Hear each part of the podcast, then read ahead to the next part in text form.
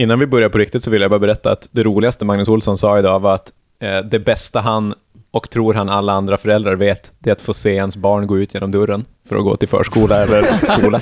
Ursäkta? Det bästa Magnus Olsson vet är att ha barnfritt. Ursäkta? Jag tror att, jag tänkte mest att det var att han ville få sitta med sin Super Nintendo-emulator. Vad kan- tror du att han spelar på sin Super Nintendo-emulator? Nej, jag tror att han är en sån Super Mario All-Star-kille. Ah. Mm. Vilk, vilken All-Star? Eh, Det är det samlingen med många olika. Jag tror inte han Ja, spelar Där man Lost. får välja liksom. Precis, jag tror inte att han spelar Lost Levels, det Ja. svåra Super Mario 1. Ja, jag minns, För det tror jag har skrämt honom. det hade, min Någon granne hade Super Mario All-Stars, slog mig nu. Eh, och jag minns att det, var, att, att det var fett att man fick spela Super Mario Bros med fet grafik. Ja, det tror jag Magnus Olsson tycker också. Och det är det han tänker på när hans barn äter frukost. Du lyssnar på Radio åt alla, en podcastkanal producerad av förbundet Allt åt alla. Dirty old town. For Malmö är drömmarnas stad! Eh, hur, hur som helst, vi lämnar Oxie en liten stund. Eh, ett nygammalt avsnitt av Välkommen till Malmö, som vi för första gången spelade in för en vecka sedan, men det sket ju sig. Det är första gången vi får teknikstrul någonsin. Det här är avsnitt 50 och vi har aldrig haft tekniskt strul förrän den här gången. Vadå, är det bara avsnitt 50? Ja, det är ju, när man säger det så låter det ju som att det är mycket, men det är ju verkligen ganska lite alltså. Vi har hållit på så himla länge. I fe- över fem år. Nej, men det är väl nästan exakt fem år tror jag. Var det Eller inte nej. fem år i somras? Oh fuck, det var ju fem år i maj. Ja. Mäktigt. Ja, hur som helst. Vi har spelat in det här avsnittet en gång tidigare, så att idag kommer vi mycket tajtare, Mm. med mycket bättre koll. Den första som kommer att göra det är Kalle, Eh, Just Hej, det. hej. David, Hallå? Karin Hallå? och Måns. Idag så, eh, i inspelande stund, så har det varit budgetdebatt i KF. Rafflande. Eh, långt. Ja. Kanske världens sämsta jobb att vara Carina Nilsson. Mm. Att jobba som Carina Nilsson. Jag tror ju att det är värre att vara en sån där så kallad torrsugare. vad, vad är det för något? Det är de som suger eh, ytor torra. Så om du, om du, om du är jobb, det är någon typ av underjobb till liksom VVS, generellt VVS. Så om det är så att det finns en plats som verkligen måste bli torr, då kommer det torrsugare och löser det åt dig. Jag tror det är på samma nivå som Carina Om du Nilssons måste jobb. göra det lika länge som Carina Nilsson behövde jobba idag, eller kanske fortfarande jobbar. Ja. Ja. Jag förmodar att de inte är färdiga än. Nej, jag tror inte. Nej. Det De är började alltså hel dag liksom. Nio i morse och nu är klockan eh, sex och någonting. Får strukturera det här avsnittet. Vi har i olika utsträckning lyssnat, Mm. i olika utsträckning lyssnat noga. Mm. Och redan i förra avsnittet, som var det här avsnittet, som inte blev av, Mm. så försökte vi prata budget, men då visste vi ingenting om någonting. Så vi fick sitta och liksom gissa. Ska man, ska man sammanfatta vad eh, som är huvuddragen i den här budgeten i alla fall? Det är en nedskärningsbudget i, över hela brädet. Eh, så man skär ner i alla verksamheter, eller i alla nämnder ska man väl säga, strikt sett. Eh, det rör sig om, eh, ja men det är 64 miljoner i gymnasienämnden, det är 89 miljoner i grundskolan, 48 miljoner i förskolan, 57 miljoner i hälsovård och omsorgsnämnden. Ja, man, det man, så, så som man presenterar de här nedskärningarna är ju också att de största nedskärningarna sker i eh, det som man kallar de hårda nämnderna och i kommunstyrelsen, kommunfullmäktige och sen då typ stadsbyggnad och tekniska nämnden och andra eh, som inte har den här nära eller så omsorgsverksamheten eller den här nära verksamheten till, eh, till invånarna. Eh, och de har ju procentuellt sett större minskningar men också mycket mindre budgetar så att i absoluta tal så är det ju de stora nedskärningarna som sker i skola, eh, vård och omsorg. Hur mycket är totalen, alltså i nedskärningar? 484 läser jag. Det, det är så det ser ut.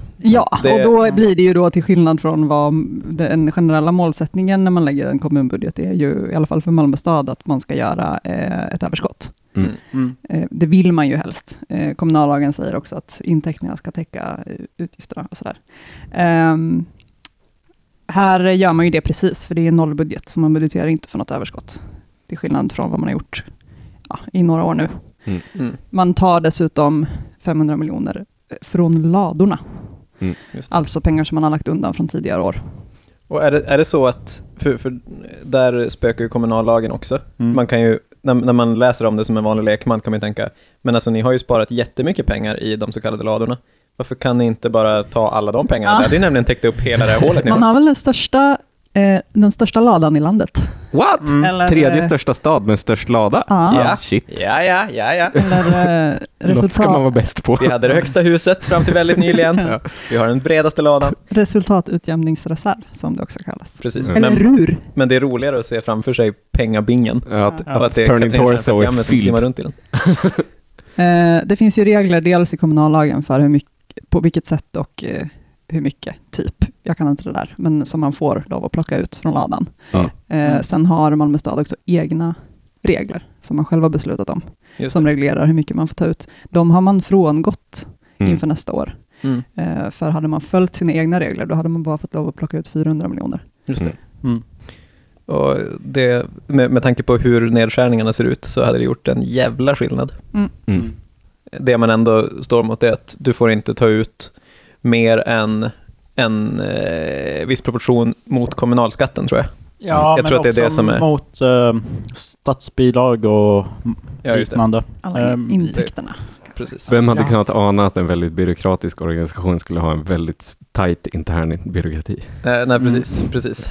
Eh, som väl fortfarande inte har några sanktions... Eh, Nej, det är väl det. om, inte omfattas av några sanktioner, så att det är bara att man vill följa det som gör att man följer det. Men varför vill, Men ja, man vill, och man vill följa det för att Malmö ska vara en AAA-ratad kommun?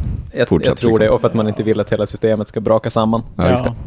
Ja, det är tur. Jag tänker om sossarna börjar en sak så kan det ju följa med oppositionen börja samma sak Just det. senare. Exakt, och plötsligt så kan man budgetera på vilket sätt som helst. Mm. Vilket skulle bli roligt. Vi, jag, jag tänker att vi kan uppehålla oss lite på den här generella nivån en liten stund och sen gå in i detaljerna. Eh, för att något som fascinerade mig ganska mycket när jag lyssnade på debatten idag, det var att i, i stora drag så handlade ju debatten på alla ämnen om huruvida det här är nedskärningar eller inte. Mm. För att det som är så förvirrande, det är ju att styret menar att de faktiskt inte gör nedskärningar. Nej. Och det tyckte jag också var väldigt spännande för det var Ja, det var flera gånger under debatten som de till och med hävdade att de eh, gjorde satsningar. Eh, för det finns, eh, eh, i alla fall som, op- ja, op- det var ju då oppositionen som påpekade att eh, det finns, de, de för över pengar, alltså ett överskott som de har i år, Mm. som är liksom från coronabidrag och eh, andra, Mm. annat sånt här, som de för över till liksom för att göra satsningar nästa år. Den här nedskärningen är väl egentligen väldigt mycket att man gör den nedskärningen som man skulle gjort för två år sedan var det va? När, när Malmö stad fick en massa covid-pengar plötsligt. Så var det ju planerat att man skulle göra en massa nedskärningar och sen backade man bandet och sket i dem för att man fick massa pengar. Ja, det var ju nedskärningar på 50 miljoner man hade aviserat. Okej. Och Det är ju väldigt mycket mindre än den här. Förskolan, om Ja. jag minns rätt. Men det, det är som att det här är, är uppföljning. Ja, men det där beror också på vem du frågar. Alltså, frågar du eh, Jan Eklöf, Ja. då kommer han säga att det är så. Oj. Tack så mycket. Oops. Alltså att, att eh, coronastödet var konstgjord andning, Ja. Mm. som man nu har blivit av med och därför måste man göra nedskärningar. Ja. Eh, och det är ju då ett sätt att säga att det förra styret var dåligt, Ja. egentligen. Och att sossarna nu bara tar konsekvenserna av sina egna handlingar. Eh, om man däremot frågar sossarna och liberalerna, Mm. eh, framförallt Miljöpartiet också såklart, då menar de att dels att de här nämnderna där man gör de största nedskärningarna, eh, i synnerhet gymnasie och grundskola, tror jag, eh, har gått med så mycket plus de senaste åren, så att det egentligen bara handlar om att man anpassar kostymen. Mm. Mm. Eh, man menar också att det kommer att komma så pass mycket statligt stöd så att det kommer att fylla upp för eh, de här nedskärningarna som man gör, så att det snarare handlar om att man för över kostnader på staten. Mm. Det här är ju lite så sanning med modifikation, får man väl tänka. Mm. Det beror på vem man frågar. För att det, det är ju så att det har ju aviserats en höjning av de generella statsbidragen Mm. eh, med senaste regeringsbudgeten. Men den är ju inte stor nog för att täcka upp Nej. det som Nej. Malmö stad vill ha. Man skriver ju också i budgeten att man önskar sig högre statsbidrag för att det ska gå ihop. Men man räknar med att det kommer att komma ytterligare pengar Mm. som då kommer att fylla upp de här hålen. Det Eh. känns väldigt dumt med tanke på vilken regering vi har. Ja. Ja, det, det, känns, det känns lite tveksamt. Och det, här är ju också det som till exempel Moderaterna då hugger Ja. väldigt mycket på. Ja, men jag, jag, jag har ju fäst mig vid den här idén som jag fäste mig vid strax innan valet, att så den här nästa mandatperiod så kommer sossarna höja kommunalskatten i Malmö. Jag har Mm. bara huckat mig fast i den. Nu är det ju bevisligen så att jag har fel, eftersom att jag har sagt det flera gånger och varje gång har jag blivit motbevisad, exempelvis att de bildar ett styre tillsammans med Liberalerna. Men, men, men eh, så, så när de börjar snacka om så, "Åh, vi hoppas att vi kommer få mer bidrag från staten och vi är verkligen beroende av bidrag från staten, för annars kommer inte det här gå ihop. För mig som eh, är hooked på idén om högre kommunalskatt, så låter ju det som någon som eh, förebygger det. Att så, Mm. det här kan behöva göras. Eh, vilket är sant. Liksom. Nej, det kan man ju tänka. Alltså jag, Mm. för jag, jag tänker... Jag, jag, jag tänkte att den där argumentationen kändes så tom. Ja. Alltså, nu är ju en sån här, en sån här KF-debatt är ju alltid lite konstruerad. för att, alltså, vad spelar den för roll? Ja. Ja. Men, men eh, de måste ju fortfarande kunna försvara sig på något sätt Ja. när de deltar i den. Ja. Eh, och det känns, ju, det känns ju väldigt luftigt faktiskt att egentligen, egentligen bygga, bygga allting på det här antagandet att det kommer komma nya pengar. Mm. Alltså, man räknar med att det kommer bli så jävla struligt för kommunerna att eh, staten kommer vara tvungen att sk- skjuta till mer pengar i praktiken. Mm. Eh, och det är, ju, jag menar, det är ju möjligt att de vet något som jag inte vet. Men där känns det ju som att Jan Eklöf som moderat borde veta ännu mer. Tack så mycket. ja, Spontant. eh, nej men så det är väl inte... Jag, jag, jag tycker inte heller det verkar helt orimligt att de skulle kunna tänkas eh, göra en höjning av kommunalskatten nej. så småningom. Alltså i, i själva debatten så var de ju så, ja vi kan höja kommunalskatten så här mycket som ni säger, men det kommer ändå inte hjälpa. Ja. Alltså mot Vänsterpartiet? Ja, exakt. Ja. exakt. Vad var deras case för det? då? Jag det, lyssnade inte. Det var ganska svagt. Det, Ja. det var nog mest att de inte tyckte det skulle hjälpa. Det som återkom där var väl, är ju det här argumentet, men, men då vill, kommer ni vilja höja skatten varje år? Mm. Vilket jag verkligen inte förstår. Det Det så känns som jävla att konstigt. det är jag som är dum i huvudet, för att Ja. De säger det med sån självklarhet. Ja. Men hur skulle det se ut då om vi höjde skatten varje år? det, är, väl- det är väl inte det som är förslaget? Är sånt Eller så här, man kan ju också höja skatten Ett år. ett år och sen Ja. inte göra den. Å andra Oftast är sidan, det ju så, den rör sig ju inte så mycket från år till Nej. år. Nej. men det är, ju, det är ju för att man vet att Vänsterpartiet har sitt jävla övergångsprogram om hur man ska ta socialism till kommunism. Och då vet man, förr eller senare så kommer den här rakt uppstigande så, procent för procent. På, på vilken procent kommer, kommer proletariatets diktatur? Vi är där kring 70 ungefär. Men jag Jag undrar, senast såg GoFundMe. Men, så Patreon tears. ja, får jag hoppa tillbaka till det du sa Måns om Ja. att anpassa kostymen? Ja. Som är det här andra spåret då, som styret använder för att motivera de här nedskärningarna. du menar Att man säger att de har gått plus. gömma undan dem helt och hållet i någon slags konstigt rökmoln?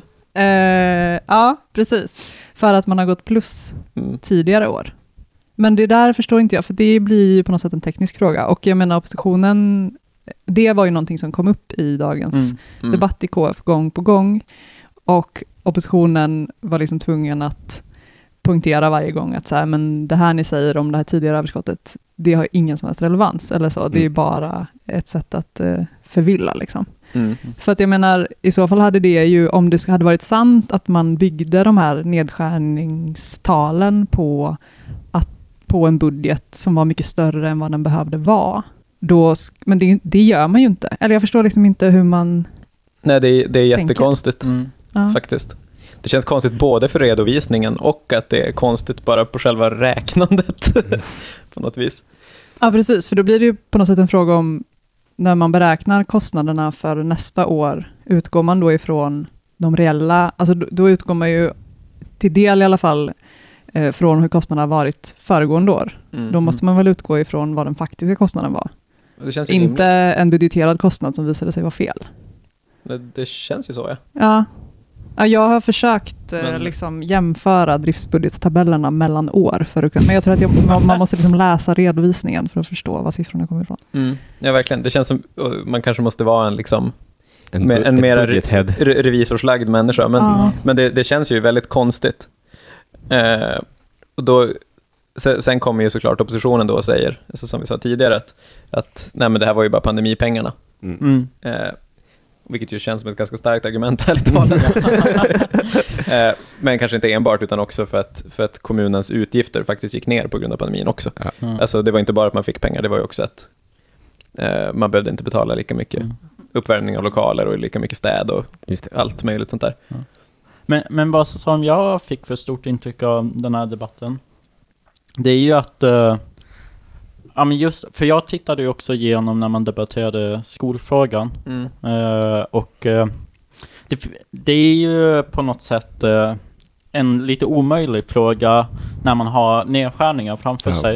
Eh, för, för det är ju ingen som vill skära ner i skolan. Alltså Nej. det, är, det finns ju inget parti från Nej. Vänsterpartiet till SD Mm. som vill det. Nej. Men samtidigt så har man ju partierna från, alltså för, alla partier förutom Vänsterpartiet, som eh, har ju tagit fram en nedskärningsbudget. Så oppositionen gör ju egentligen exakt samma sak som sossarna. De, Ja. de skär ju ner ungefär lika mycket Ja.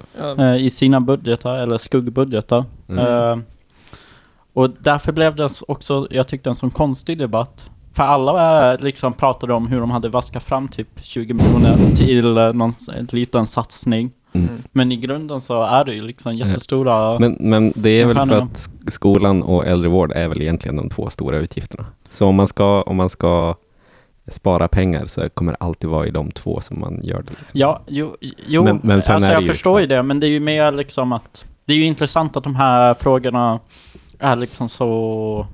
eh, Och det är ju väldigt förståeligt att de är så extremt viktiga. Ja. Alltså både för befolkningen och politikerna. Men det är ju roligt då när man tittar på debatten. Ja.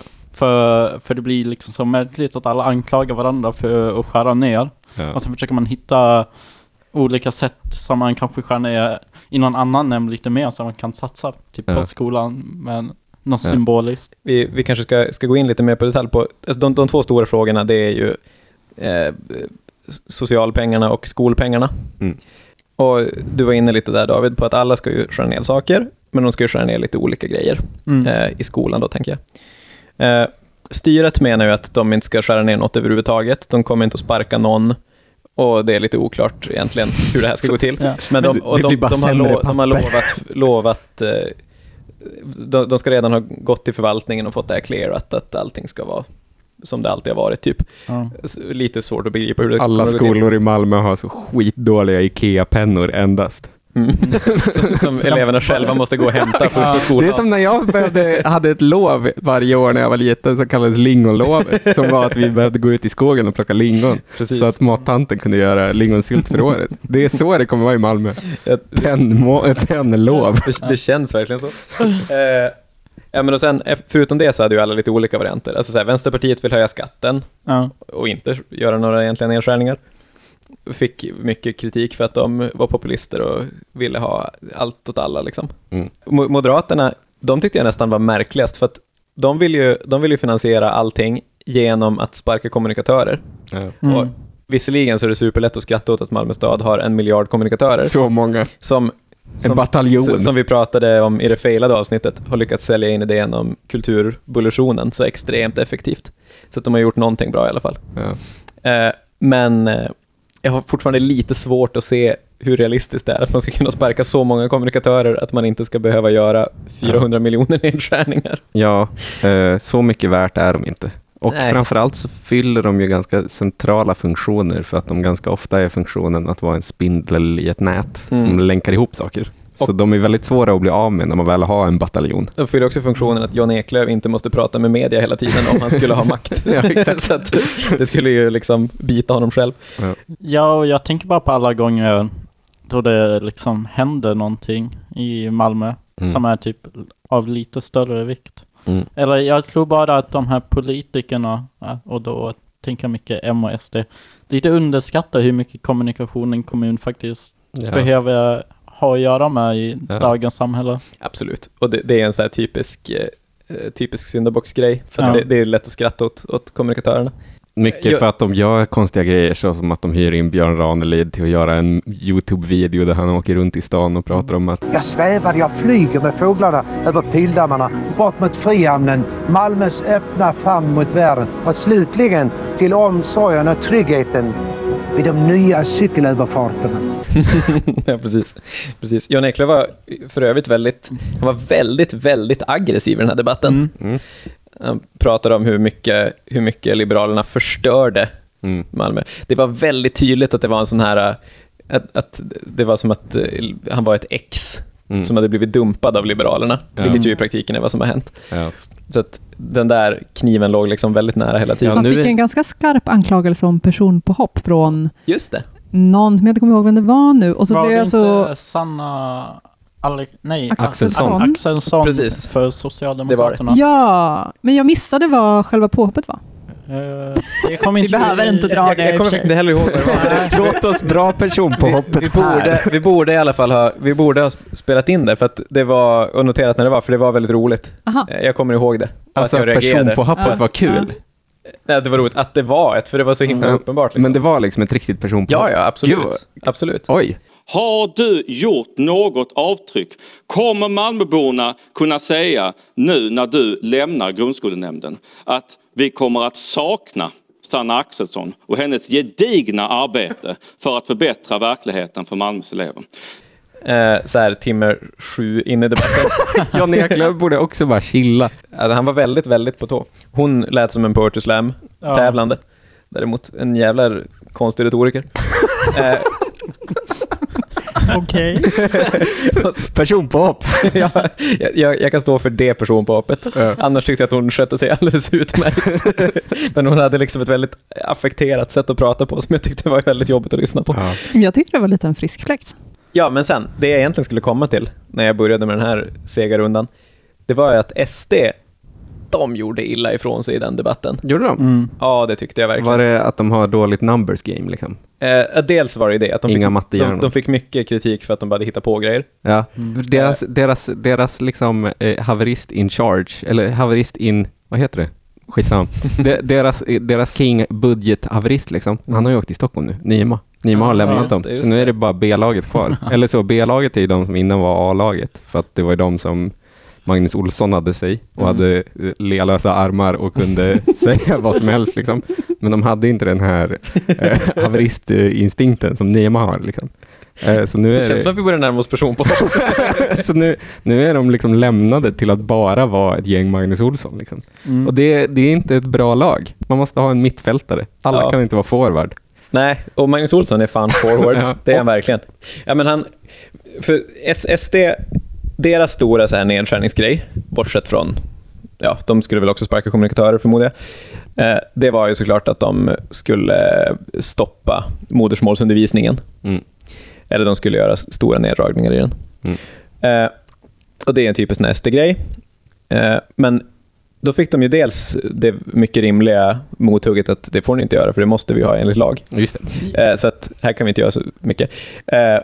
Eh, och sen fick de det, det andra väldigt rimliga, att eh, det är ju väldigt bra för barns språkinlärning om Ja. de eh, får lära sig sitt, sitt modersmål också, så att de har trygghet i något språk. Modersmål är en så himla, det är en så himla tydlig, eh, tydlig sån eh, SD-fråga för att den är eh, eh, 100% bara handlar om rasism. Liksom.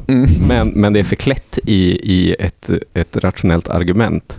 Eh, och så fort du pekar på att det här rationella argumentet håller inte, så bara går de in i så, jo, jo det gör det. Precis. Det, det handlar om är inte det. Liksom. Precis, Det handlar inte och- om det överhuvudtaget. Och, och det, det blev väldigt tydligt sen, för att när, när debatten fortsatte så eh, visade det sig att det han egentligen brydde sig om, alltså, Mm. som han sa i debatten, det var ju inte att barnen inte skulle få lära sig sitt modersmål. Mm. Det var att vi kan inte ha förskolor där personalen inte pratar språket och där föräldrarna inte pratar språket.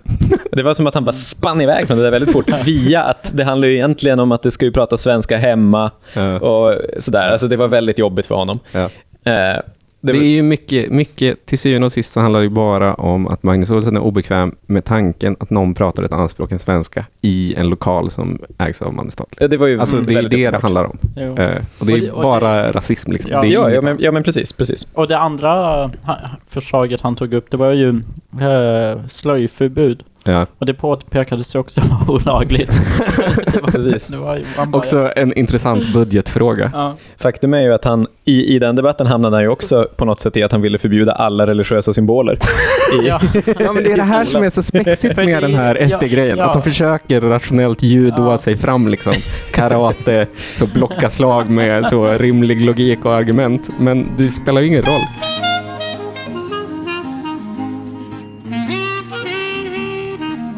Nej, men eh, det är ju inte bara i Malmö det är lågkonjunktur Nej. och inflation. det är lite här och var. Ja, Vars var det inte var lågkonjunktur? Det var ju Jägersro. Jägersro var det inte det lågkonjunktur. ligger Fan vad fett. inte i Malmö. Gör det inte? Det gör det Jo, det gör det. Men Jägersro, lokal hö- högkonjunktur. Enligt ägaren av Jägersro. Ja, ja, ja. ja.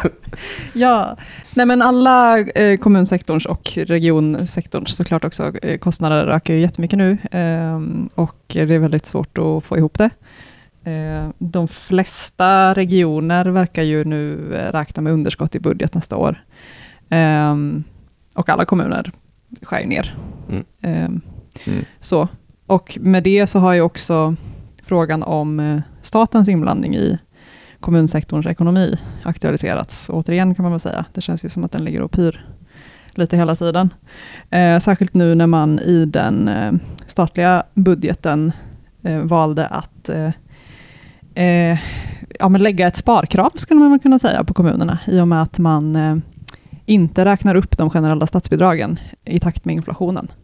Eh, eller inflationen och infla ja, i takt med kommunernas ökade kostnader. Och det är ju inte för att man gör en annan bedömning av hur prognosen ser ut eller hur läget är för kommunerna, utan eh, det vet man väl mycket väl. Det är ju Sveriges kommuner och regioner, som, eh, deras ekonomer som sitter och, och räknar på hur det ser ut de kommande åren för, för kommunernas ekonomier. Så att alla är ganska överens om, tänker jag, hur förutsättningarna är, för det är SKR som bestämmer det. Liksom.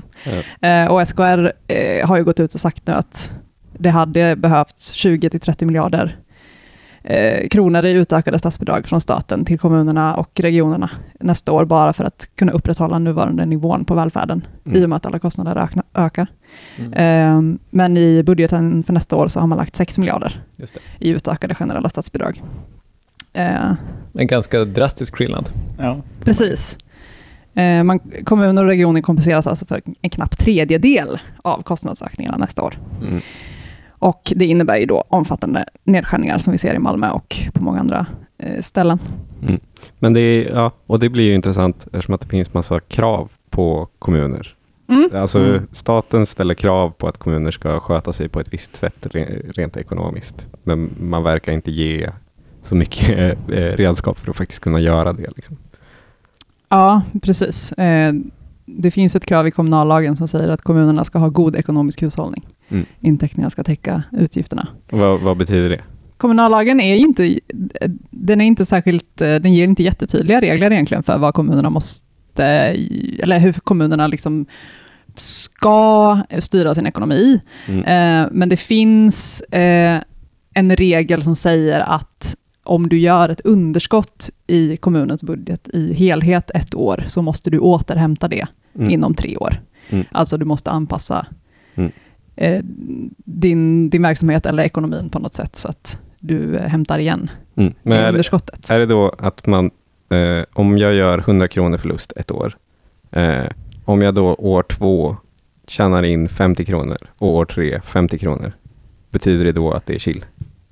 Alltså jag kan ju inte egentligen den här, de här tekniska bitarna, men, men rimligtvis så borde det vara så helt enkelt att du får inte ha en budget som inte går ihop Mm. i mer än två år blir det ju då. Okej, så, så jag kan göra förlust 100 kronor ett år.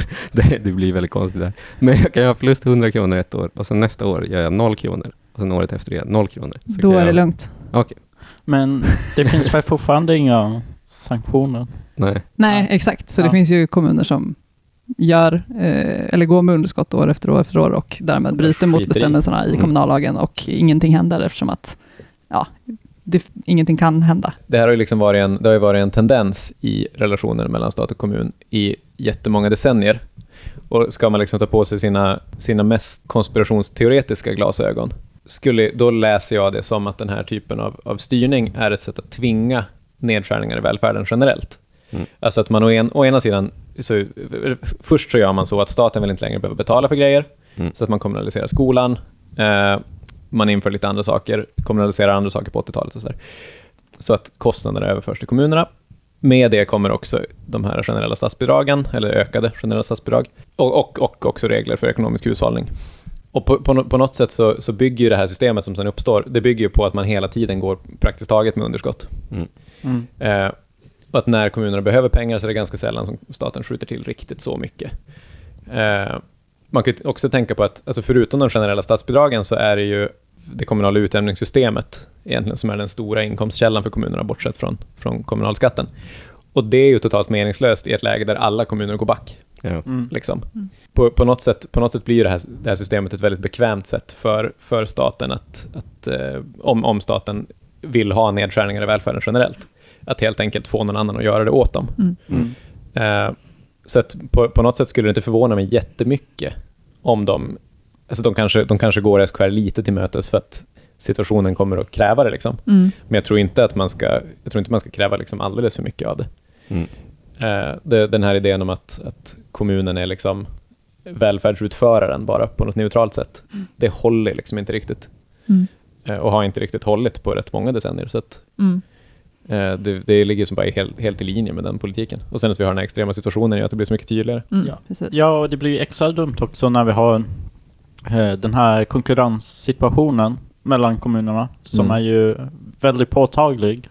Eh, för det är ju för det är ju verkligen en kamp eh, mellan kommuner om att få skattebetalare Mm. Mm. eh, för att kunna finansiera eh, i det här eh, underskottssystemet. Mm. Mm. Eh, och, och det blir ju så extra dumt. eh, för om, om, det hade, om mer grejer hade legat på staten, Mm. då det går liksom inte... Eh, eller staten konkurrerar ju i, i, egentligen inte med någon annan. Mm. Jag menar, det är ju inte som att jag kommer flytta till Köpenhamn. om staten höjer skatten med en krona. Det är Nej. så mycket vill jag inte lära mig danska. Mm.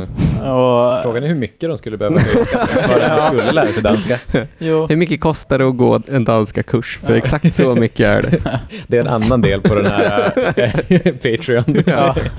Nej, men det är ju verkligen, eh, jag så, läste några utdrag ur eh, eh, statens eh, budget, eh, utgiftsområde 25 eller vad det heter, om eh, generella bidrag till kommunerna. Mm.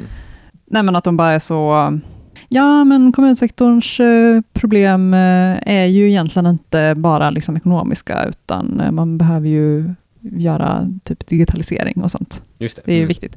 Eh, men också att man är så, ja men eh, kostnaderna kommer ju öka jättemycket nu. Eller utgifterna kommer öka jättemycket nu. Ja, sparandet kommer sjunka i, i kommunsektorn. Eh, mot slutet av prognosperioden, som jag gissar är typ till 2025, eller om det kanske är en längre Mm. period i den statliga budgeten, jag vet inte. Eh, ja, men så antas kommunsektorns utgifter anpassas efter inkomsterna, så att sektorn når ett resultat som bedöms vara i linje med god ekonomisk hushållning. Ja, ja, men det är ju, det är ju precis så det är ju bara att man Att säger det, att nu måste kommunerna skära ner. Precis, att, att den här 6 miljarder-siffran är som inte slumpmässig heller. Eh, utan, utan precis, den är en instruktion också. Mm, ja, ja, verkligen. Eh, det, man kan såklart, alltså ett motargument till det här, staten är bara, bara ett nyliberalt monster, det är ju att staten kanske också egentligen vill att kommunerna bara ska vara tjänstemannaorganisationer som bara utför välfärdspolitik. Liksom. Eh, för så Inga- kan man ju också läsa det här, att de ska inte köpa en enda enhörning. Nej, exakt. Det var exakt det jag tänkte säga. Precis. Men någon, och jag, jag tänker att sanningen ligger någonstans däremellan. Mm. Mm. Men, men det är ju så kortsiktigt. Mm. Alltså, jag menar, just om man tänker, som vi pratade om med skolorna, att det kommer komma... Ja, men vi har den här demografin i Malmö, där de kommande åren så kommer det nog komma massa nya barn Mm. som föds i Malmö. Och sen så ska de gå i skola.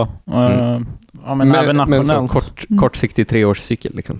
Där, att det måste jämna ut sig. Mm. På, för, förr, under den gamla goda tiden, när man gjorde massa saker som folk gillade, Mm. eh, då gjorde man ju underskott i så 10-15 år. För att man tänkte, ja men vi måste göra det här för att vi sen ska kunna återhämta det. Mm. Eh, och, och det var liksom helt underförstått att det var fine. För vad ska de göra? En kommun kan liksom inte riktigt konkursa på det sättet ett företag kan. Nej, precis. Den här treårsregeln infördes år 2000. Ja. År, eller ja, i typ den formen och sen har vi det löst lite.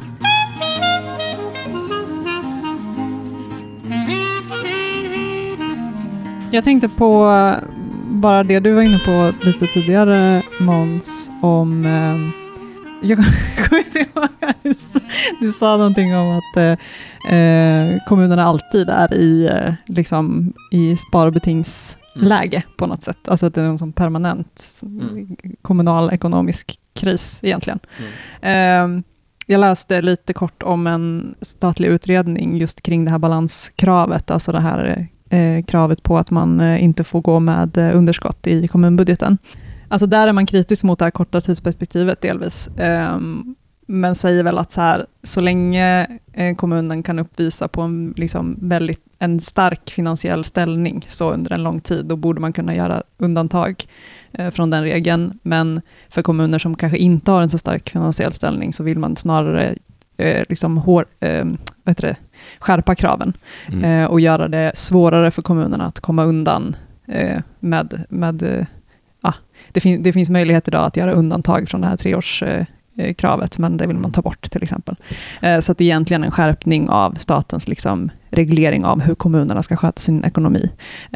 Men det som jag tyckte var mest talande egentligen, som den utredningen kom fram till, var att man noterar att kommunerna generellt lyckas väldigt dåligt i sitt uppdrag att ha en god ekonomisk hushållning, trots att förutsättningar borde finnas. Ja, men man ser att staten måste gå in hårdare på något sätt. Mm. Att dels både med reglering, men också att här, ge vägledning och stöd typ, till Mm. kommunerna att här, ha liksom en, en eh, eh, mycket striktare inställning till sin ekonomistyrning. Liksom. Lägga sig i mycket mer, Ja. kan man ju föreställa sig. Alltså jag kan ju köpa, eller jag köper ju det liksom för, ja, för, för kommuner ska ju samtidigt inte bara kunna hela tiden gå med underskott eller liksom Mm. köra, köra på det sättet. Utan, jag menar det finns ju en poäng att man Ja, måste vara tvungen... 2 här. Ja, men det finns ju en poäng att man måste någonstans liksom, i alla fall försöka nå en balanserad. Men jag, ja, jag vet inte, jag har bara fast, fastnat nu lite i det där, uh, ja men vad som, eller liksom, det jag tycker är lite dumt att uh, man tänker sig att man ska köra tre år, eh, eller att man ska inom tre år ha nått balans. För jag menar, det kan ju vara också så att eh, det fortfarande inte löser sig och så har man genomfört alla de här nedskärningarna. Alltså, Mm. det bara känns som... Mm. Ja, jag vet inte. men det är väl, dumt. ja det är bara dumt, för att det är väl också, alltså, nu det känns som att vi tassar kring någon slags het eh, gröt här, som kanske är att kommunal verksamhet tillåter sig helt enkelt inte att inordnas i den här liksom, företagsekonomiska logiken. Nej. Eller så, det Nej. går inte. Eh, Mycket också på grund av att man av lagen är beordrad att göra vissa saker. Ja, men precis. måste gö- göras. Man har, man har eh, en hel radda med liksom skitstora och assvåra, eh, på många sätt, kärnuppdrag Mm. som handlar om att se till att så här, folk typ har det bra och mänskliga rättigheter och alltså, vet inte. Eh, eh, och liksom alla barns rätt till en typ trygg barn. Alltså, ja. det är liksom de här uppdragen man jobbar med, Mm. det är inte... Det är, väl, det är väl den ena delen och sen också att så här, i förlängningen så blir det så blir resultatet av det också att när du väl sätter dig och ska liksom få din budget i balans och göra de här effektiviseringsåtgärderna så funkar liksom inte de. Eller så här, Mm. Det går liksom inte att... Eh, alltså jag tänker mig att man på många platser i regioner och kommuner liksom dras med så här årliga effektiviseringskrav Mm. eh, år efter år och det man, det man försöker göra fungerar liksom inte, Mm. kan jag tänka mig. Mm. Eh, Nej, det- nej men visst, visst. För, för där ska man ju... Eh, men man kan ju, kan ju säga det, gud vad vi gled ut i någon så här statsvetenskap av hela det här avsnittet. Eh, ursäkta till de som inte tycker om det, men grattis till de som tycker Ja. att det är berikande. Eh, Jag kommer behöva spränga in mycket roliga, eh, roliga klipp av det, det olika blir det slag. stora här. jingelavsnittet här. Ja, det, Eh, Det är rena mordet. Det är rena mordet detta här.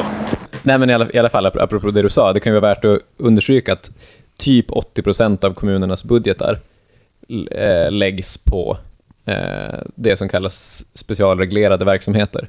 Alltså det som kommunerna åläggs att göra av staten. mm. Mm. Eh, och det är ju i första hand, precis som du säger, det är ju såna, det är helt enkelt att utföra välfärdstjänster. Mm. In, allting är inte det, men det mesta är det. Mm. Och då säger det lite sig självt att att Jan Eklöf kan prata hur mycket som helst om att kommunen måste sköta sitt kärnuppdrag för att Mm. inte gå back. Men liksom det lilla headroom man har för att ta, ta in ett underskott Ja. i att köpa enhörningar Ja. är liksom väldigt litet. Dessutom är det, liksom, i de där sista 20 procenten, är det rätt många av de här sakerna som faktiskt drar in pengar. Ja. Mm. Ja. Eh, ja, men till exempel att man säljer mark och sånt där. Mm, Den där enhörningen, han, han gjorde mycket för den här stan. Alltså, ja, ja, men, ja, ja, det- men verkligen. Jag har svårt att tänka mig hur man skulle mäta hur mycket vinst vi gjorde på honom. Men jag tänker ändå, kanske 100 kronor, Ja. 200, något sånt.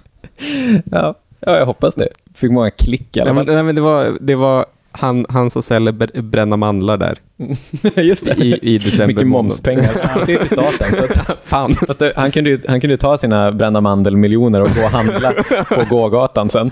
Och köpa espresso och, eh, vad heter det? En sån varm, varm bulle från Espresso House. Ja, men det, det är ju lite som Malmöfestivalen. Ja. Det drar ju också in, eh, i alla fall enligt eh, Malmö stads egna Mm. uträkningar, Ja. så det ju in eh, rejäla summor pengar. Det är också roligt för det är, så, det är så jävla intressant att Malmöfestivalen är en vinstaffär. Ja. Alltså det, det säger nog alla. Eh, Men av någon anledning så måste man liksom bara ljuga om det för att man kan inte göra förlustaffärer Ja. i kommunen. Liksom. Precis. Ja, men, och, faktum är att alltså, om vi går tillbaka till att det är rätt, rätt mycket skendebatt, den här Mm. budgetdebatten. Mm. Det, det, det kommer lite där också. Alltså att det är ju så marginella saker egentligen. Ja. När det, Mm. Just när det kommer till de här stora budgetmönstren, liksom, så är det rätt marginella saker som kommunen alls kan göra. Mm. Och det, det kan bara göra liksom så, så stora skillnader. Mm. Både för att man har hela ramverket Ja. och såklart för att det man faktiskt måste lägga pengar på är så himla, himla beroende av saker man bara inte kan kontrollera. Mm. Typ Ja. en ekonomisk kris eller Ja. Hur många barn som råkar födas Ja. eller något. Återigen blir det väldigt spännande att se den där eh, budgeten för nämnden. Alltså skolnämnden. För att se hur de faktiskt fördelar Mm. de små slantar som finns kvar. Precis. Ja. Vi har ju faktiskt inte, vi har inte nämnt med ett enda ord att det var en demonstration idag också. Var det idag? Eller igår var det, Igår. ursäkta mig. Eh, det spelar ingen roll. När man spelar in podd så lever man ju liksom i någon I- typ av Åh, icke-tid. Ja. Jag lever fortfarande i förra veckan, när vi spelade in första gången. Trevligt. Demonstration om tre dagar. Exakt. Ja. men i, eh, igår så var det demonstration utanför Stadshuset. Ganska bra skara folk just utanför Stadshuset. Det blev ju också ett ämne i själva debatten. Alltså Eh. demonstrationen. Ja, Ja. precis. Särskilt då när Vänsterpartiet pratade. Då var det mycket så, ni och era gelika, ni stod här ute och krävde allt åt alla, återigen. Ja, men det var ju också han, eh, eh, John Eklöf, Mm. som eh, sa, sa till någon sosse, eller nej, till Sara Wettergren tror jag. När du, när du står där på sjunde våningen och tittar ner på föräldrarna och deras barn. Tack så mycket fru ordförande. Eh, Malmöborna demonstrerar återigen i hundratals gentemot styret och eh, Sara Wettergren. Moderaterna prioriterar Malmöborna. Ni prioriterar att sitta av tiden på Stadshusets sjunde våning. Det blir mycket derailande med anekdoter från den här debatten. Ja. Men jag tyckte att det bästa ögonblicket, det var inte John Eklövs kan du se mhm, i ögonen när du säger mhm, utan det var eh, när det var någon som sa det här till Hel- Helena Nanne. Vadå För att de vill dra ner så fruktansvärt mycket på ekonomiskt bistånd, Moderaterna. Ja. Ja, Ytterligare ett ämne vi inte har pratat om. Då, då, vem det nu var, sa Helena Nanne, kan du se ett barn i ögonen och säga jag ska ta bort dina föräldrars ekonomiska bistånd? Och hon sa ungefär, jag ska säga dig att jag skulle vara stolt att se det här barnet i ögonen och säga jag ser till att Malmö är en stad där man kommer i arbete. Nu parafraserar jag, det var kanske Det är riktigt mycket stormtrooper. Det var, det var verkligen helt bisarrt. Eh, ja, det känns som att hon inte tänkte efter. Nej, rymdimperiet är här nu. Det, kän- det känns som att den här, alltså eftersom hon har den här robotmässiga arbetslinjeinställningen, Ja. att hon kan inte riktigt koppla bort den. Nej, Så exakt. den funkar ganska bra på Twitter när man pratar liksom helt abstrakt. Ja. Men Funkar dåligt lite med barn. Ja, ja exakt. Nej, det, det, var, det var för mig hela debattens höjdpunkt. Eh, ja, eh, lille barnet, det är mitt fel att dina föräldrar har fått slut på bidrag. Eh, men det är också mitt fel att din mamma nu är torrsugare.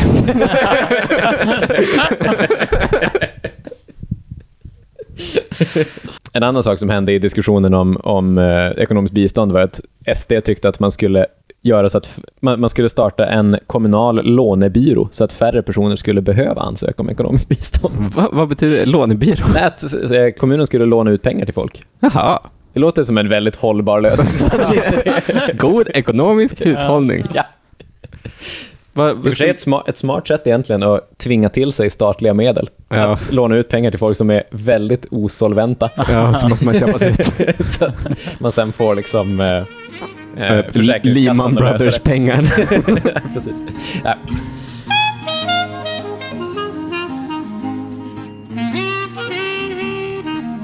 Har ni läst nyheten att Turning Torso ska släckas? Kommer de att spara mycket el på det här? Jag tror inte det. Eh, utan han, han, han sa, han på HSB sa, eh, nej, det är bara rent symboliskt. är, det- är det för att Öresundsbron ska släckas och de inte vill Är det känna sig sämre? Är det sant? Ja. Är det också symboliskt?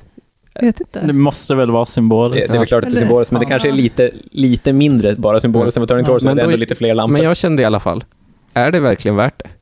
Sym symboliskt. Alltså bara symboliskt är det värt det. Att får Jag du... hade inte fattat symbolen om jag... Nej, det är det jag menar. För jag har hört folk viska där ute på stan. Normala människor. Eh, nej, man kan inte ha någon julbelysning uppe nu. Eh, Va? eh, för, för, för man måste ju spara på elen. Ah. Och då säger ju någon rimlig människa såklart, eh, jag tror inte det är jul, den här lilla LED-lampan är det som spelar någon roll. Och då, nej, nej, nej, det är bara viktigt symboliskt. Ja, det är lite konstigt. Det är som att så länge man inte kan tvinga aluminiumverken Men det är bara så. Men, äh, Varför, va, alltså. vad är det här? Ja. Kommer de släcka så den tunneln vid Dalaplan symboliskt? Så att Den- vi alla kommer bli dödade. men den, där, den där tvn som finns i tunneln vid Dalaplan, den har väl inte funkat på flera år. Så de Finns har det en som- TV? Ja, men det finns en skärm. Eller tv Aha. kanske inte där, men skärm. Tänker vi på samma Nej, men tunnel tänker nu? du på eh, tänker- Södervärntunneln, cykeltunneln? Ja, du Nej. tänker den... Jag ja, tänker nu- Blondinbella-tunneln. Ja, Blondinbella-tunneln. Varför Ja. sa du inte? Där Ilmar Reepalu, där det finns en bild från när Andreas Schönström är med och inviger och Andreas Schönström är så ung och oförstörd och står och tittar på Ilmar Reepalu med vördnande ögon. Och, och nu så här i efterhand känns det som, det där var nog Andreas Schönströms första invigning. Fint ändå. Ja. Men det fanns ju en plan på att det ändå skulle bli... eh, nu pratar vi om saker vi faktiskt bryr oss en om. Stadsplanering. eh, borta i- vid Nyhamnen. Jaha. Eh, som faktiskt... En Som, light show? ja, som enligt då Malmö stad till och med skulle spara el på något sätt. Jag har ingen aning hur det funkar, men det ska vara typ och LED-belysning. Är det att man kör jättemycket superhårda strålkastare, så Batman-style, eh, eh, och då kan spara in på liksom, gatubelysningen? kan det vara så? Kanske, eller jag vet inte. Kan man inte bara köra aning. fyrverkerier? alltså konstant. Det är ändå, Varje sekund. Det drar ingen el alls. Nej, exakt. Det hade varit fett. Ja. Kommer ni Ja. ihåg ändå hur, hur det brukade vara förr i tiden? Ja, kring nyår ja. Nej, inte bara kring nyår, alltså från nu Ja, alltså, framåt. ja, ja, exakt. Eh, jag saknar... Alltså med kring menar jag alltså två månader. ja, exakt. Både före och efter. Ja, exakt. Det, på den tiden så behövde man inte gatubelysning i Malmö. Var köper man ens raketer i Malmö? Det var ju någon som blev plockad i, i, på, på Öresundsbron med, eh, vad var det, 8000 bangers. Ja. Fett liv. Också så roligt att eh, behöva frakta det allt på en gång. Ja. Jag, jag fick en, eh, en känsla nu inför det här med oförstörd tid. Hade inte du läst något gammalt eh, kommunfullmäktige-protokoll, David? Ja, eh, oj gud. Eh, det var... Var det här den oförstörda tiden? Ja, ja, och det var verkligen en helt oförstörd tid i Malmös historia. Året är typ 2010. Mm. Någon, ja, eller kanske 2011. Jag kommer inte helt ihåg. Och då så skulle man besluta om bidrag eh, i KF. Då så gav man dels bidrag till den här eh, seglartävlingen Amerikas Cup. som jag inte, alltså nu när jag säger det högt, inte kan förstå varför den hette Amerikas Cup och skulle typ utspela sig vid Malmö. Men man gav också typ en miljon till glassfabriken för att de skulle starta ett allaktivitetshus på Seved. Hände det? Eh, Jag, jag vet inte om själva huset blev av, men de fick pengarna. Sen så blev det en kontrovers över att de fick pengarna. Det var någon politiker som eh, krävde att eh, de, ja, de skulle lämna tillbaka pengar. Man kan, För, för glassfabriken var alltså för länge, länge sedan ett anarkistiskt café där man Ja. kunde köpa eh, li- lite bränt kaffe. Men också goa, goa ciabatta. Långt innan ciabatta De hade också väldigt gott kaffe. Hade de det? Ja, Var det inte zapatistkaffe? Det är som jag minns det. är inte det gott? Det är rätt äckligt alltså. Det, är, inte, gott för själen. Ja, det är det. Men det är ju inte gjort för... Det här är bara ditt Fairtrade, ditt Fairtrade eh, arv som, som säger det här. För det, var ju det är ju inte gjort för väldigt kalkigt Malmövatten. Nähä, Så det är ganska äckligt här. Ja. Det är ju inte Svega Skåne. Precis.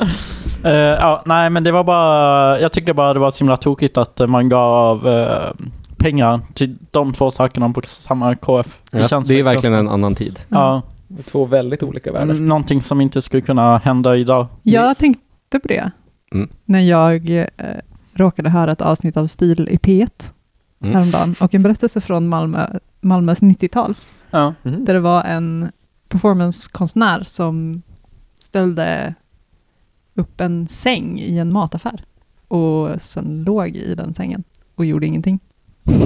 Text. Det låter spontant som att det var sunkika. Som var det- affären. Exakt samma sak när jag hörde det. Precis, det ser man ju framför sig. Men eh, historien förtäller inte vilken mataffär det var. Jag bara tyckte att det var så, um, känns väldigt främmande att det skulle ske på Sunkika idag. Ja, verkligen. Ja, om någonstans kanske det skulle vara Sunkika då. Men eh, Nej, men verkligen. Men det är ju för att Sunkika inte är sunk längre. Som det känns så otänkbart. Jag minns när Sunkika var sunkigt och det var liksom så vitkål på hela golvet. det var ändå good old times. Nu, nu, är, det, nu är det fortfarande flugor i, i löken, men det är inte, det är inte så jord, jordgolv liksom. Intressant att det har hänt så mycket med staden Malmö. Alltså just när det kommer till de där lite, lite mer weird, abstrakta grejerna. Just att det känns helt otänkbart att någon, skulle få, någon konstnär skulle få bara Hej Sunkika, jag vill ställa ut en säng här och sova i den. Kan Mm. jag få göra det? det? Och det här med att glassfabriken absolut inte skulle få en miljon. Alltså, och att det är väldigt svårt att sätta fingret på vad det är som har hänt. Ja, och det känns också som att förr så fanns det ett om... Eller en... Ja, men en ett område i Malmö som kunde husera sådana här saker. Mm. Och nu så känns det som att det inte riktigt finns de här platserna. Alltså där man kan hitta den här tokigheten på det sättet. Det är ju Norra Gränges, men där är det ju liksom Ja, men under det, ganska även ordnade det former. känns... Liksom. Ja, men Ja. det känns... Ja, men kanske för sju år sedan så hade man Ja. kunnat bara stöta Mm. på något lite märkligt där. Men så har vi, ap- apropå det, har vi pratat om eh, galleridöden i den här podden? Alltså, Eller är det bara någonting som jag har pratat med folk om privat? Eh, Jag, jag vet egentligen inte så mycket om den. Det, det känns som att det framförallt är David som, som eh, har haft koll på det här. Att eh, väldigt många, det har ju funnits väldigt många små gallerier i den här stan. Eh, väldigt många av dem på tillfälliga bygglov eller på grund av någon så här vänlig, eh, eller vänlig och vänlig, hur som helst, en fastighetsägare som, har, som inte haft något bättre för sig. Ja, en konstälskande, Ja, precis. och det är ju- fastighetsägare. och det är ju många av dem som ligger i utkanten av södra innerstan. Ja, alltså, typ Nobelvägen. men, ja, mellan Nobelvägen och Norra Gränges kan man väl säga. Precis, precis. Upp mot norra Sorgenfri. precis. Ehm, och, och det har ju hänt inom bara eh, kanske det senaste halvåret som det är mång, flera av dem som har fått eh, ja, men vräkningshot. Eh, och, det har, och det är väl också just den här, eh, dels på grund av det här projektet som Malmö stad har, Tryggare Malmö, Mm. eh, som går ju ut på att eh, inspektera lokaler Just det. av lite olika anledningar. Brandsäkerhet och bygglov och annat. Och det är ju ofta, s- ja men det, det är ju mycket genom det som eh, stadsbyggnadsnämnden får reda på. Mm. Och sen så hotar de fastighetsägaren som vräker folk. Mm. Det, det har ju dels, delvis mobiliserat eh, konstscenen i Malmö. Mm. Eh, de har ju just nu, eller nyligen avslutat en utställning på Konsthallen. Mm. Eh, som eh, var eh, många, många, kanske 20-30 olika konstnärer som ställde ut samtidigt. Och eh, sen så skrev flera av organisationerna som hade ställt ut en uh, insändare, eh, eller en debattartikel i Sydsvenskan uh, just kring uh, den här galleridöden. Uh, och kopplade en hel del till gentrifieringen. Mm. Men, men det, jag tänker ju, om, om man tar någon typ av utifrån perspektiv så framstår det ju väldigt mycket som att det här och all annan sån verksamhetslokals död eh, kommer bli en jävla eh, gummibandseffekt. För att det är ju bara att man tömmer massa lokaler och sen hyr man, lyckas man inte hyra ut dem för det finns ingen som har råd med dem förutom de här lite konstiga verksamheterna. Alltså så typ, det finns ju lokaler mitt på Möllan som fortfarande är tomma, som ligger på ställen där de verkligen inte borde vara tomma. Men eftersom att lokalhyrorna generellt är så satans höga så fylls de aldrig. Och förr eller senare kommer det liksom vända. Ja, och jag tror väl också att eh, det kan ju ske större förändringar i Malmö där, ja men, där bostadspriserna, ja men kan, i alla fall hyrorna ökar, bostadspriserna, ja nu är det ju svårt att se exakt hur de kommer gå, men det kan ju bli större förändringar där folk också kanske flyttar från Malmö. Mm. av olika anledningar. Om vi har tidigare haft eh, dålig eh, eller en sämre arbetsmarknad, nu kanske de kommande eh, åren framåt får sämre skolor. Det finns ju mycket som kan locka folk härifrån. Eh, vilket kan ju få då den här så kallade gummibandseffekten att eh, det kommer också få ner eh, priserna på lokaler Så, så eventuellt. skulle det kunna vara, alltså jag, eh, det, det, det, kan ju vara, det kan ju vara bra att liksom stoppa in det här i större sammanhang också, att eh, gallerierna har ju varit det på senaste tiden det tydligaste exemplet. Mm. Men vi har ju faktiskt, vi har ju sett rätt många exempel på det här faktiskt. Ja, ja. Där, Jag kommer ihåg svartklubbsdöden. Den tog Ja, men det- den alltså. Du är med i alla döda. Även, precis. Oh. det är film. gemensamma nämnaren. Eh, nej men, eh, så här på Norra Grängesbergsgatan till exempel, där är ju det här en grej hur mycket Ja. som helst också. Att Ja. Det är ju jättemånga verksamheter som, som är där på tillfälliga bygglov eller inget alls. Ehm, och som har kunnat vara så hur länge som helst. Eh, och lite var det en förutsättning för att den gatan har kunnat utvecklas åt det håll som den håller på att utvecklas. Och åt det håll som kommunen verkligen, verkligen på ett sätt vill att den ska göra. Mm. Men det, vi har ju pratat om det förut, att den ena handen vet inte riktigt vad den andra gör. Mm. Den Eh, ena bakar bröd. Precis. Den ena stora, stora näven bakar bröd och den andra lilla lillfingret Eh, Spela gitarr. spelar lite gitarr. Som Django Reinhardt. Eh, med nästan inga fingrar. Ja. Nej, men det, det, här, det är en stor process liksom, och som, som får ganska stora konsekvenser. Och jag tror faktiskt, om, om, man, om, man, om man kombinerar den här processen med alltså så här centrumdöden i största allmänhet, Mm. det är ju inte, det är inte bara gallerierna och replokalerna, utan det är också butikerna som stänger igen Ja. eh, i väldigt stor utsträckning. Eh, samtidigt som, som den här typen av lokalhyror kan man tjäna jättemycket hyrespengar på eftersom de är helt oreglerade. Mm. Och så, där, så det finns ganska svaga incitament att hyra ut dem billigt till någon Ja. också. Jag skulle kunna tänka mig ett scenario där eh, kommunen helt enkelt subventionerar hyror i sådana lokaler Mm. för att få in folk i dem. Mm. Man har ju såklart fortfarande detaljplanen emot sig. Ja. Mm. Eh, att, det, att eh, gummibandseffekten skulle kunna komma där. Liksom. Mm. Men det bygger ju också på att man frångår eller det man, an- det, då, då blir det ju att kommunen ska inte subventionera hyror utan de ska ge bidrag till föreningar i syfte att subventionera hyror. Mm. Blir, ju, blir ju ordningen liksom. Men vet du vad kommun, kommunen gillar? Att subventionera fastighetsägare. ja, jo, Mm. ja, så kan man ju tänka. För att det är det det blir i praktiken, att subventionera Ja. hyrorna. Men det känns som att det är en ganska stor, ett stort projekt som kräver stora ramverk och konstigheter. Då, då är det lättare för kommunen att ge bidrag till föreningar.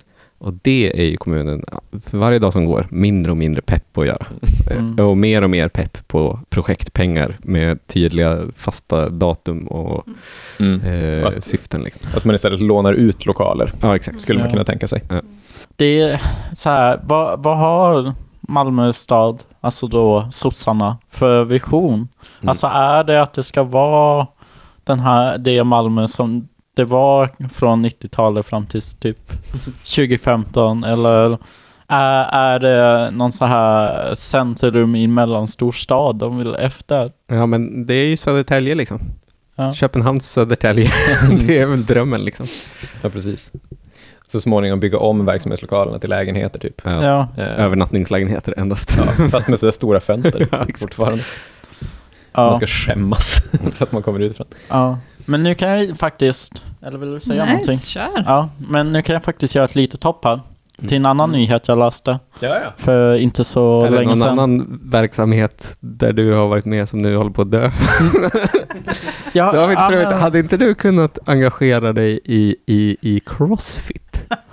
Absolut. Bara, bara för att vi ska kunna Ta del på det. testa den här Ja. grejen med att allt du gillar dör.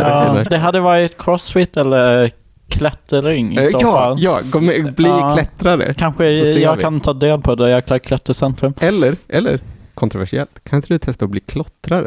Så ser vi vad som händer med alla de här planken.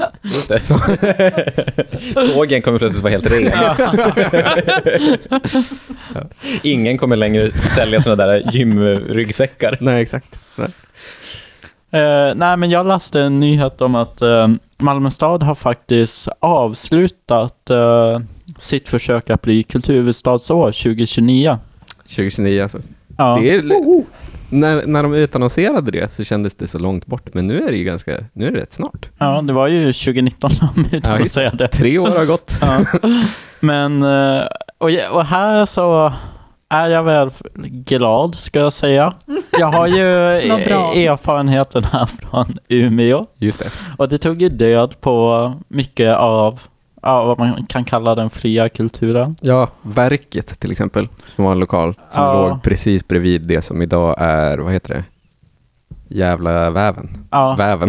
och det tog ju död på Sagateatern. Mm. Det tog ju död på. Umeå Open. Ja. Eh, och ja, man kan rabbla upp saker. Men, eh, eh, men ja, det är inte så mycket mer jag har att säga om just det än, Det blir inget. ja. Och anledningen till varför det inte blir något, det är för att sta- staden står inför prekärt ekonomiskt läge. Vilket också är, Så nu passar det sig. men det är också lite konstigt för att det är inte så annorlunda läge i år från hur det var för tre år sedan. Ärligt talat. Nej, och, och det är också någonting som ska hända om sex år. Mm. Så enligt kommunallagen så ska man kunna balansera sin budget två gånger. Men, men det det handlar om är väl kanske framförallt att man inte vill lägga tid på att... För det är ju, Ja, det är ju en pengar. tävling liksom. ja. Eh, och vilket också är så jävla konstigt. ja. Eh, att man får massa kommuner runt om i Europa att slösa massa tid på en tävling. ja. Eh, Men eh, jag kan ju berätta hur jag hade ett litet finger. och, och det var ju för där 2019 när de utannonserade i den så var vi några som skaffade domänen Malmö 2029 för att kunna eventuellt tio år senare utpressa Malmö stad på någon miljon. ja. Men eh, som tur så slutade personen som gjorde inbetalningarna att betala in Ja. typ för två år sedan. Vi borde ju annars nu försöka...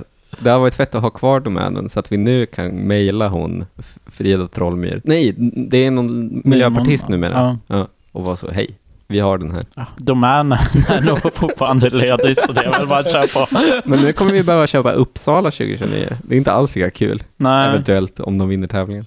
Eh, finns det någon annan än Uppsala kvar i tävlingen? Inte i Sverige, det är bara Sverige kvar. Det har varit kul Men att kolla vilka... Sverige kommer ju få den. Är det så? Ja, det är ju alltid två länder. Hur... Men hur vet du att Sverige är ett av dem? Men det är ju s- 2029. Då ska Ja. det ju vara Sverige. Jaha, och det är bara Uppsala kvar nu? Ja, så det kommer ju bli Uppsala. Aj, Kulturhuvudstadsåret i Uppsala kommer bli en riktigt mörk historia. det är bara Det, rasbiologi. det, enda, det enda som är bra med det är att det inte finns någonting i Uppsala som man kan förstöra. För att annars så är det, det är en stad full av kongresscenter, det är en stad full av helt värdelös Mm. kultur. Förlåt personpåhopp Uppsala. eh, de har Veronica Maggio. Ja. Mm. Eh, men annars har de studentsångare. Ja, men det, det, känns, det känns liksom som att de är som, det, det är verkligen som att de är som gjorda för den där sortens Ja. evenemang. Det, det är en väldigt, eh, en väldigt märklig, eh, konstigt, liksom på något sätt vuxen kultur, Ja. fast för 19-åringar. Ja. Eh, 19-åringar som vill vara vuxna Mm. Sjunger Bellman-sånger. Jag, jag har någon gång kollat på en livestream från något sånt, hö, något sånt firande som alla har. Vad är det? Valborg? Ja, precis. Som de firar i Uppsala väldigt mycket. Så Det är i och för sig kultur för Uppsala. Ja, men där, då har jag tittat på en livestream och sett hur folk har byggt ihop små båtar som de sätter i någon älv av något slag. Mm. I Fyrisån. Fyrisån, tydligen. Eh, och sen åker de ner för något nå stup och så går båten sönder. Ja, då det är det då känner jag ändå på något sätt, ja men det här är ändå lite, det här är ändå kultur. Det, det Där är kan man titta på. roligt. Och de har så här champagnefrukost hur tidigt som helst. Och Ja, det är men ingen det som pallar hela dagen. Och, Mindre kul. Det har väl Det har väl alla liksom. ja, men Va- Valborg, Valborg, Uppsala och Lund är som grejerna. Ja, ja, absolut. Det, är ju, det finns inte Valborg på andra ställen som det gör där. Nej. Så att, förlåt, Uppsala, ni har kultur. Kulturhuvudstads Valborg. Ja. Det hade varit bättre om det bara var en enda dag. Och så maxar man all kultur.